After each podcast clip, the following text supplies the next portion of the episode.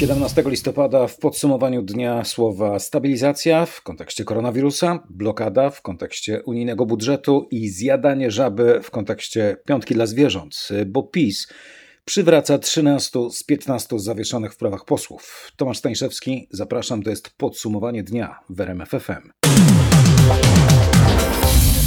Zaczynamy od najnowszych danych koronawirusowych, bo dziś z ust ministra zdrowia usłyszeliśmy po raz pierwszy od dawna ostrożnie wypowiedziane słowo stabilizacja. Padło po opublikowaniu danych o ponad 19 tysiącach zakażeń. W ciągu poprzedniej doby zmarło niestety 357 kolejnych osób. W podsumowaniu dnia teraz Michał Dobrołowicz, który przeanalizował dane resortu zdrowia razem z lekarzami. Michale, co ich zdaniem zwraca uwagę. Mimo, że liczba zakażeń z ostatniej doby to najniższy dobowy przyrost infekcji od dwóch tygodni, wciąż wysoka jest liczba zgonów. To jest konsekwencja dużego wzrostu liczby infekcji i rekordów z pierwszej połowy listopada, przyznaje szef grupy rządowych doradców epidemiologicznych profesor Andrzej Horban. W tej chwili chorują również ludzie 50-60-letni. Jeżeli on dostanie ciężkiego zapalenia płuc, do wyzdrowienia lub do tego niepomyślnego skończenia choroby, czyli śmierci, mija trochę czasu. To jest z reguły dwa tygodnie, a nawet więcej. Liczba zgonów według lekarzy niestety w najbliższych dniach może jeszcze rosnąć. Ostatniej doby najwięcej po ponad 2000 nowych zakażeń potwierdzono na Śląsku, Dolnym Śląsku i na Mazowszu. Dane, o których mówił Michał, możecie sprawdzić i porównać sami w raporcie na rmf24.pl, a ja oddaję głos ministrowi zdrowia Adamowi Niedzielskiemu. Jeżeli popatrzymy sobie na to, jak się e, pandemia rozwijała, bo ja na każdej konferencji, którą w zasadzie w takich cotygodniowych cyklach mieliśmy, przedstawiałem Państwu, że są dwa scenariusze rozwoju. Jeden, który nazywaliśmy czarnym, pesymistycznym scenariuszem, który zakładał, że pandemia będzie się dalej rozwijała w takim tempie przyspieszającym i drugi scenariusz, który zakładaliśmy, że jest wręcz scenariuszem optymistycznym, to był taki scenariusz, który zakładał powolny wzrost aż do etapu stabilizowania się.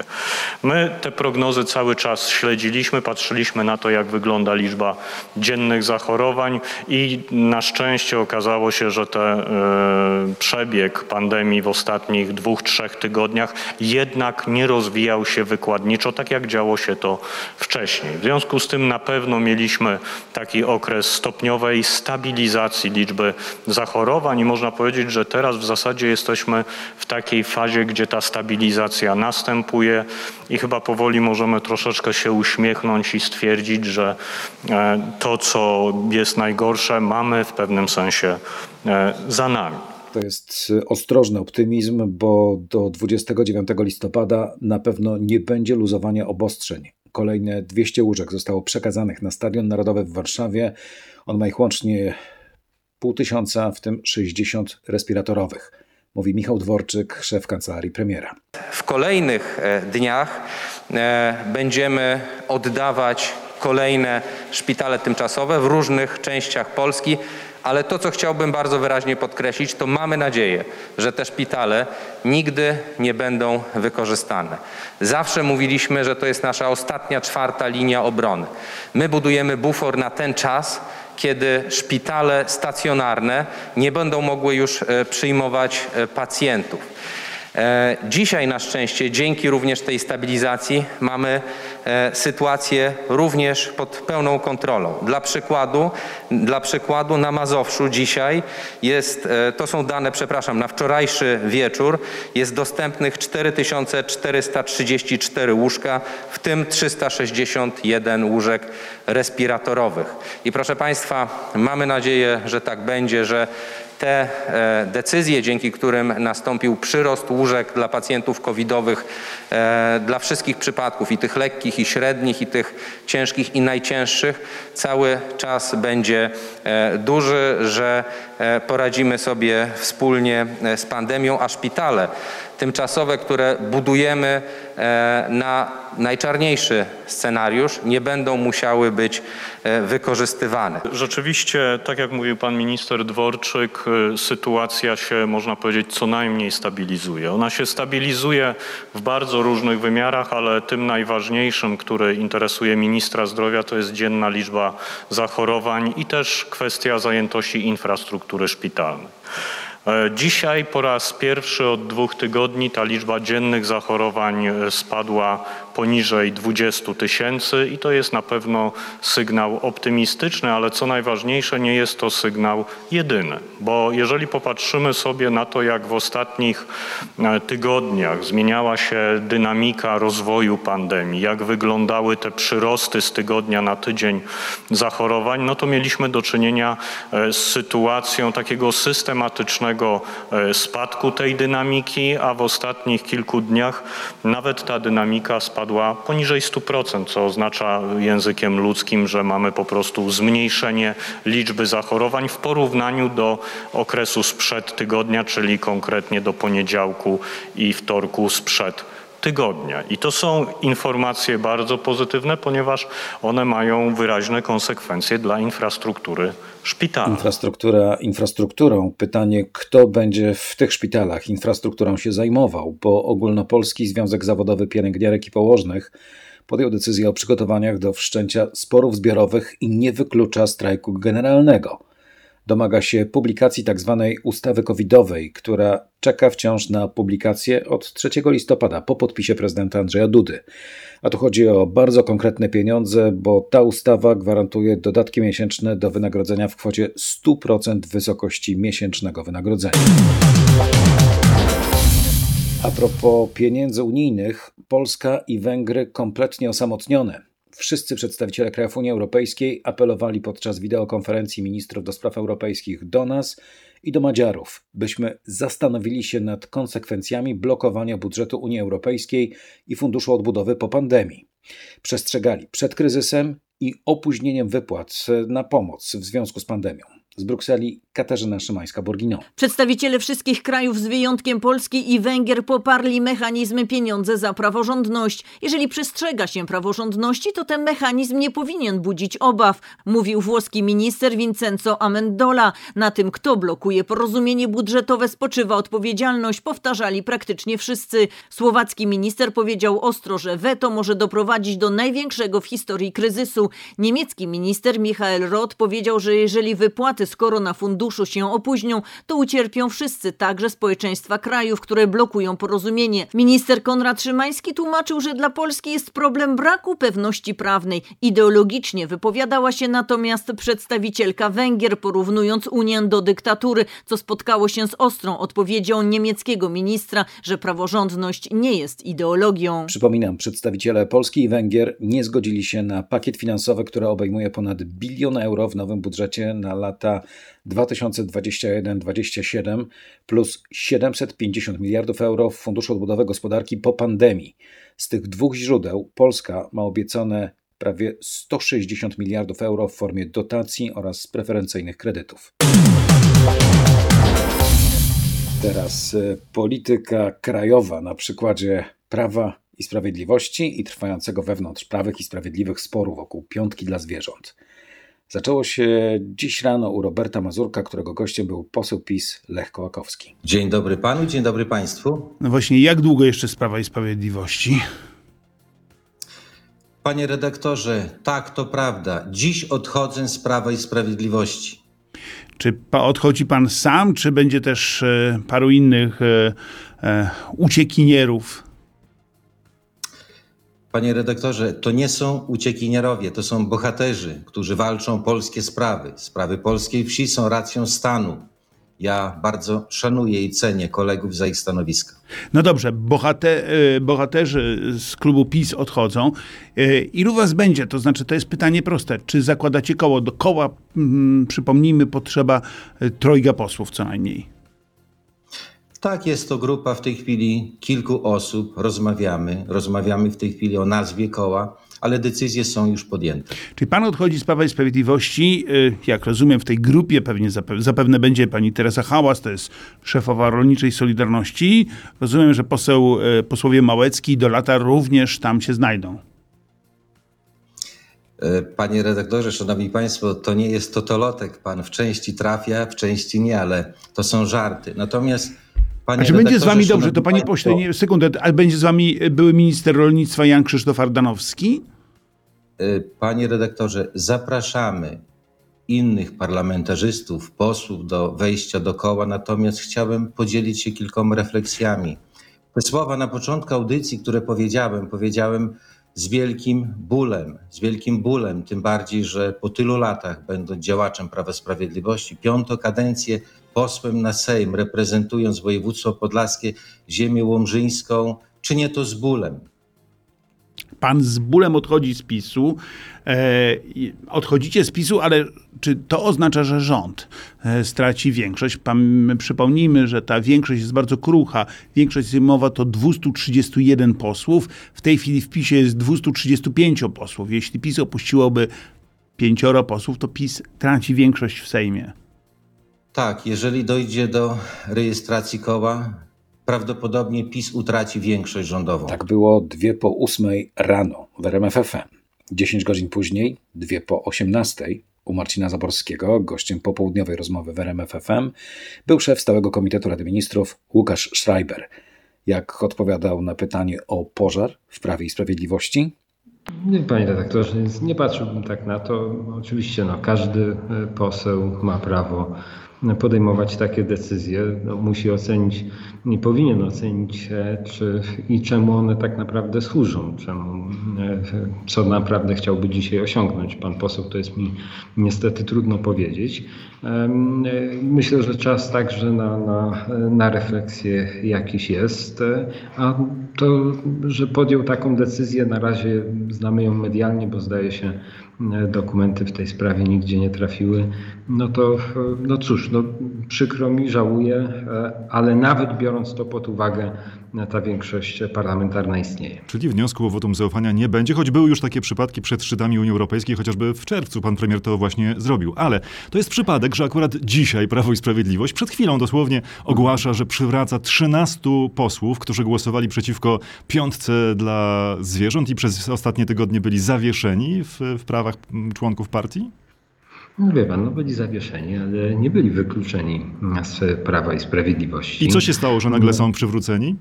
No To się stało choćby, że, e, że e, były rozmowy, także z nimi była, była dyskusja na, ten temat. E, Były mamy- rozmowy, panie ministrze, tak? Tak, To ciekawe, tak. bo pan poseł Kołakowski rano mówił, że od maja zabiegał o spotkanie z prezesem Kaczyńskim. Do tego spotkania nie doszło. Jak twierdził, blokowali mu to spotkanie ludzie z otoczenia pana prezesa Kaczyńskiego. No, Wie pan, naprawdę trudno mi się odnosić do, do tego rodzaju zarzutów. Były na rozmowy z pewno- posłem Kołakowskim? Wie pan, no nie wiem na jakim, e, na jakim poziomie, natomiast, e, natomiast rozmowy trwały. Szef klubu parlamentarnego mm, spotykał się i rozmawiał na pewno z posłami. Także, także wielu innych e, osób takie rozmowy prowadziło. Mm, Jesteśmy, jesteśmy myślę, no, duży, krok, e, duży krok do przodu został uczyniony.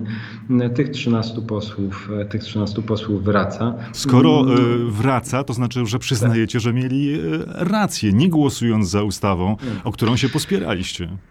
Nie, panie redaktorze, to e, znaczy to jest jakby no zupełnie, wie pan, e, takie, takie postawienie sprawy mm, chyba nie w taki sposób, w jaki sobie e, tego powinniśmy wszyscy życzyć. Znaczy, Nie, ja to- rozumiem, to że pan może sobie tak. życzyć czegoś, żebym ja stawał jakoś sprawę, tylko próbuję logicznie myśleć. Nie głosowali no za ustawą, zostali zawieszeni, ustawa zniknęła, nie ma jej, a oni teraz wracają. Czyli chyba jednak mieli e, rację, no Tak, coś no się wydarzyło po ich myśli. Dobrze, ale powiedzmy dlaczego, e, dlaczego tej e, ustawy nie ma. No, także Właśnie, wskutek, dlaczego? e, Wskutek mm, no, takiej i trochę złośliwości, którą mieliśmy w Senacie. To znaczy no, była próba wyjścia właśnie naprzeciw i, i pewnych kompromisowych zapisów przedłożenia, choćby wydłużenia vacatio legis. No, one zostały na przykład wydłużone i propozycja jest no, do, do jakichś absurdalnych rozmiarów e, 10 lat. No więc rzeczywiście no, w, takim kształcie, w takim kształcie ustawy nie chcemy forsować. Nie, nie, panie powodu- pośle, ale wy macie w Sejmie, proszę wybaczyć, panie ministrze, Tak. w Sejmie Prawo i Sprawiedliwość, Zjednoczona. Prawica ma większość, a ustawa Zgadza teraz się. powinna wrócić z Senatu, z poprawkami zgadza Senatu do Sejmu. Tam Ale możecie zrobić z nią wszystko. Nie, Zmienić nie, te, te poprawki i przyjąć je w takiej formule, jakiej chcecie. Nie, panie redaktorze, nie. E, Z poprawkami Senatu można zrobić tylko jedno, albo je przyjąć, albo odrzucić. Macie większość, możecie odrzucić. Nie, ale powiadam, zmieniać ich nie można. Możecie je odrzucić. No, ale tylko odrzucić e, albo przyjąć. Natomiast, natomiast Jeśli e, to była tych dobra naszych- ustawa przed poprawkami, to po prostu trzeba przyjąć ją bez tych poprawek. Rozumiem, tak, rozumiem, że takie jest zdanie pana redaktora, ale my także wsłuchując się w głosy różnych przedstawicieli różnych środowisk, chcieliśmy zaproponować i zaproponowaliśmy w Senacie różnego rodzaju takie, bym powiedział, no, wychodzące naprzeciw kompromisowe rozwiązania. One zostały w Senacie odrzucone. Oczywiście takie jest, takie jest prawo Senatu, ale tłumaczę jakby powód, dla którego dla którego zrezygnowaliśmy w, z forsowania ustawy w takim kształcie. To idźmy dalej. Łukasz Schreiber, minister w kancelarii premiera, jest naszym gościem. Kto e, pracuje nad nowym projektem roboczo zwanym Piątką dla zwierząt? Wie pan, e, trwają, e, trwają rozmowy i, i e, prace jakieś w klubie Tak, parlamentarnym. tak, to słyszę, ale kto nad tym minister- pracuje? Minister rolnictwa także deklaruje tutaj pełną pomoc i wsparcie i to wiem. Nie, nie potrafię panu powiedzieć, kto, kto z nazwiska pracuje dokładnie nad tym projektem. Naprawdę pan nie E, potrafi mi tego powiedzieć, czy pan nie chce tego Naprawdę, no, powiedzieć? nie, Panie redaktorze, znaczy jakby e, e, tak się składa, no, że, że mam swoje zadania w rządzie. No jak ten projekt oczywiście będzie, no to będę się z nim zapoznawał. To Nie- proszę pozwolić, nie że wytłumaczę słuchaczom, z kim rozmawiam, tak żebyśmy wszyscy rozumieli, czy ja może to pytanie kieruję w niewłaściwą stronę. Rozmawiam z przewodniczącym Stałego Komitetu Rady Ministrów, e, sekretarzem Rady Ministrów, przewodniczącym zespołu do spraw programowania prac rządu i wreszcie upoważnionym przez prezesa Rady Ministrów do pełnienia funkcji sekretarza do spraw parlamentarnych. Trudno mi sobie wyobrazić, żeby ktoś taki jak pan, minister chociażby odpowiedzialny za sprawy parlamentarne w kancelarii premiera, nie wiedział, kto pracuje nad ustawą, o którą Panie- się spieracie od wielu tygodni. Proszę wybaczyć, nie Ale wierzę. bardzo proszę, ale bardzo proszę jednak o zrozumienie tego, że te, mm, że te funkcje i te zadania, które mam e, przed sobą, no one są, to są funkcje wynikające z pracy w rządzie. I gdyby na pewno, gdyby na takie prace na poziomie rządowym się toczyły, to mógłbym e, panu udzielić e, bardziej szczegółowych wyjaśnień. Czyli to nie Natomiast- będzie projekt rządowy, to, to Nie, wiemy nie na będzie pewno. to projekt rządowy. Na pewno nie będzie to projekt rządowy. Ależ to jest cudowna zabawa. Skąd w ogóle ta piątka dla zwierząt? Czy jej orędownikiem nie był Jarosław Kaczyński? I przyszedł taki moment, w którym możemy już w końcu się tym zająć, e, zająć na poważnie. Jest gotowy projekt ustawy. I chciałem tutaj powiedzieć, a to jest naprawdę bardzo dobra wiadomość, że ogromnie angażuje się w to młode pokolenie. Młode pokolenie naszej partii. Tutaj mamy przewodniczącego naszej młodzieżówki, pana Michała Moskala ale to jest coś znacznie szerszego, także ci nieco starsi już funkcjonujący e, tylko i wyłącznie w Prawie i Sprawiedliwości działacze naszej partii też są w to zaangażowani. To jest taki znak zmiany na To lepsze. był ósmy dzień września. W polityce przepaść. Ciekawe, co dziś e, mówi wspomniany szef młodzieżówki PiS, Michał Moskal. A może coś zaśpiewa? Na dobre i na złe Własne miejsce Tam, gdzie czekasz na mnie Ty Nie planuję Nie obliczę Polska myśl polityczna. To była gra polityczna, a teraz równie finezyjna gra pozabojskowa potyczka trenera z kapitanem. Zachowanie Roberta było niefortunne. Tak głośną już pomeczową wypowiedź kapitana piłkarskiej reprezentacji Roberta Lewandowskiego skomentował dziś trener Jerzy Brzęczek. Chodzi o sytuację z niedzieli, kiedy to przed kamerą TVP Sport Lewandowski pytany o to, jaki był plan na mecz z Włochami, odpowiadał tak. A powiedz mi, jaki był plan na ten mecz? Jak mieliśmy grać? Jak mieliśmy Włochów dzisiaj pokonać? Bo też takie głosy się pojawiały, że jest na to szansa, oni są osłabieni. Jaki, jakie były wskazówki? Co mieliście robić? Mm. Tak naprawdę przygotowując się do tego meczu e, wiedzieliśmy, że musimy spróbować zaatakować. Mm, Przy piłce się bardziej utrzymać. Ale co innego jak się o tym mówi, a co innego, e, co innego w teorii, co, inne, co innego w praktyce i na pewno tutaj przed nami dużo rzeczy do poprawy, szczególnie w treningu, żeby wykorzystać każdy trening na maksa, e, bo dzisiaj pokazało to, że przy odrobinej mm, słabszej nie tylko dyspozycji, ale też em, przygotowaniu do meczu, no ciężko będzie nam rywalizować e, z takimi drużynami. Polacy przegrali z Italią 0 do 2 w stylu, o którym lepiej nie mówić. Jak trener Jerzy Brzęczek dziś tłumaczył zachowanie swojego piłkarza? Robert nie brał udziału na tym zgrupowaniu w dwóch pierwszych dniach, gdzie, gdzie mieliśmy dwie jednostki treningowe. Dla nas dwie jednostki treningowe na jednym zgrupowaniu to jest praktycznie 50% treningów, tak więc może z tego względu takie odczucie, że w tym wcześniejszym okresie, kiedy było u nas z nami na początku, to troszeczkę inaczej wyglądało. Brzęczek chciałby, żeby reprezentacja grała jak Bayern Monachium. Skutecznie i w pięknym stylu. To jest nasze marzenie, tylko myślę, że jeżeli ktoś popatrzy na historię, nie wiem, czy my zawsze graliśmy wspaniale, z pięknym stylem, na czym opierała się zawsze nasza kultura gry. Nie wiem, czy się w naszym kraju pod względem szkolenia i wychowywania piłkarzy coś zmieniło. Mamy takie możliwości, jakie mamy i staramy się z tego wyciągnąć maks. To nie znaczy się, że ja jestem nieomylny, nie popełniam błędów, ale tak jak powiedziałem, ja jestem z czegoś rozliczany. Z trzech rzeczy, które postawiono przede mną, na dzień dzisiejszy z tych trzech rzeczy się wywiązałem. A chodzi o awans na euro, utrzymanie w dywizji A Ligi Narodów i wprowadzanie młodych zawodników do kadry. Kolejny test przed piłkarską drużyną Jerzego Brzęczka. Już jutro Polacy grają z Holandią. Po tej grze poza boiskowej na słowa, wreszcie konkret na boisku. 3 do 1 piłkarze reprezentacji Polski do lat 21 wygrali w Łodzi z Łotwą. Był to ostatni mecz eliminacji Mistrzostw Europy. Biało-czerwoni zajęli drugie miejsce w grupie. O tym, czy awansują do turnieju finałowego, zdecydują wyniki spotkań w innych grupach. Trzymamy zatem kciuki. Dorosłej kadrze życzę tak pięknych bramek, jak ta pierwsza zdobyta w meczu z Łotwą Bartosza Białka. Komentatorzy w TVP Sport o, tutaj nie mieli już o co pytać. Ponownie Sebastian Kowalczyk. Białek! Ależ to zrobił! 1-0! Ula la la! Ależ przepiękna bramka, złożenie się, trudne, trudna piłka przepiękny gol. To jest futbol.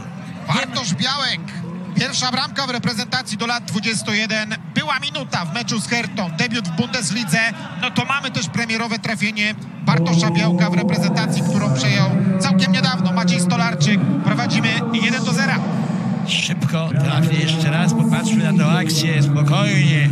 No ja sobie, panie trenerze, teraz troszeczkę e, po niemiecku. Białek, tor, tor, tor! No i tym torem dojechaliśmy do końca podsumowania wtorku w RMF FM. Tomasz Stańszewski, tradycyjnie zdrowia, dziękuję za uwagę i do usłyszenia.